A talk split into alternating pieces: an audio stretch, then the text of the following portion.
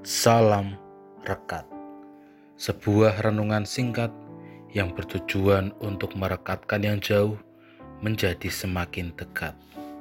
Rekat hari Kamis 23 September 2021 diberi judul Belajar Mengendalikan Diri.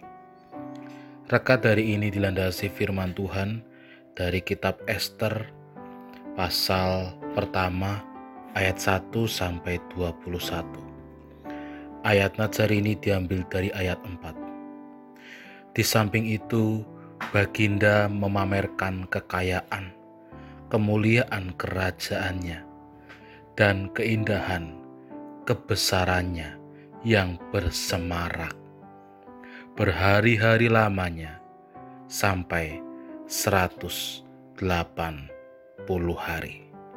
Demikianlah firman Tuhan. Saudara-saudara yang terkasih dalam nama Tuhan,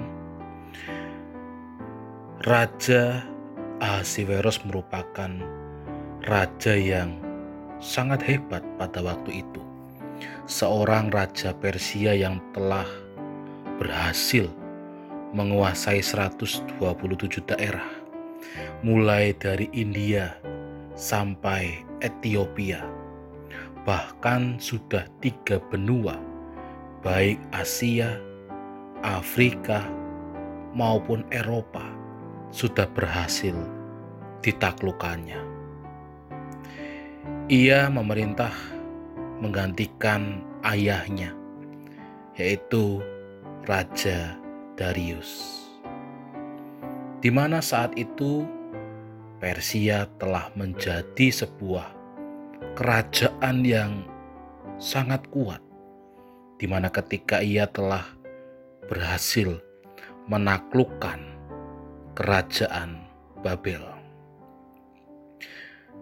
Untuk semakin memperlihatkan betapa besar kekuasaan yang dimiliki oleh Ahasiweros, ia kemudian memamerkan kekayaan ia memamerkan kemuliaan kerajaannya, bahkan keindahan, kebesaran yang bersemarak, dengan cara menggelar pesta bagi semua pembesar, bagi semua pemimpin daerah, bahkan selama enam bulan. Nah, tetapi saudara, Meskipun secara politis Raja Ahasiweros dapat memerintah berbagai macam wilayah dan juga bahkan penduduk yang sangat besar, namun ternyata ia tidak berhasil untuk menguasai dirinya sendiri. Hal itu terlihat di akhir perjamuan itu, ia justru dikuasai oleh anggur atau dengan kata lain ia mabuk. Di samping itu, ia pun meminta supaya Ratu Wasti, istrinya dapat dipamerkan karena betapa elok dan cantik rupanya. Namun di luar dugaannya, Ratu Wasti justru menolak. Tentu hal ini membuat Raja Ahasiweros murka dan ia kemudian mengeluarkan sebuah peraturan atau undang-undang yang tidak dapat dicabut yaitu Ratu Wasti tidak dapat menjumpai raja untuk selama-lamanya dan kedudukannya diganti oleh ratu yang lain. Dan ternyata keputusan ini yang kemudian disesali oleh Raja Ahasiweros.